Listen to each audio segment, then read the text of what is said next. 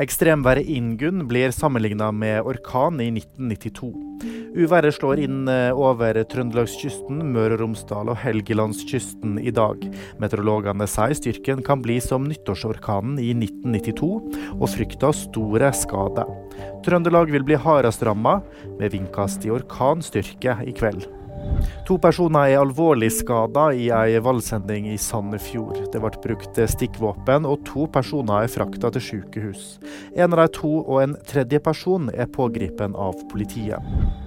En domstol i Delaware har stoppa Elon Musks lønnsutbetaling. Lønnspakken på svimlende 56 milliarder dollar.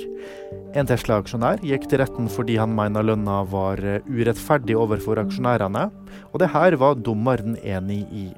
Musk reagerer og skriver på X at ingen bør stifte selskap i Delaware. Mer om det her og andre nyheter finner du alltid på VG.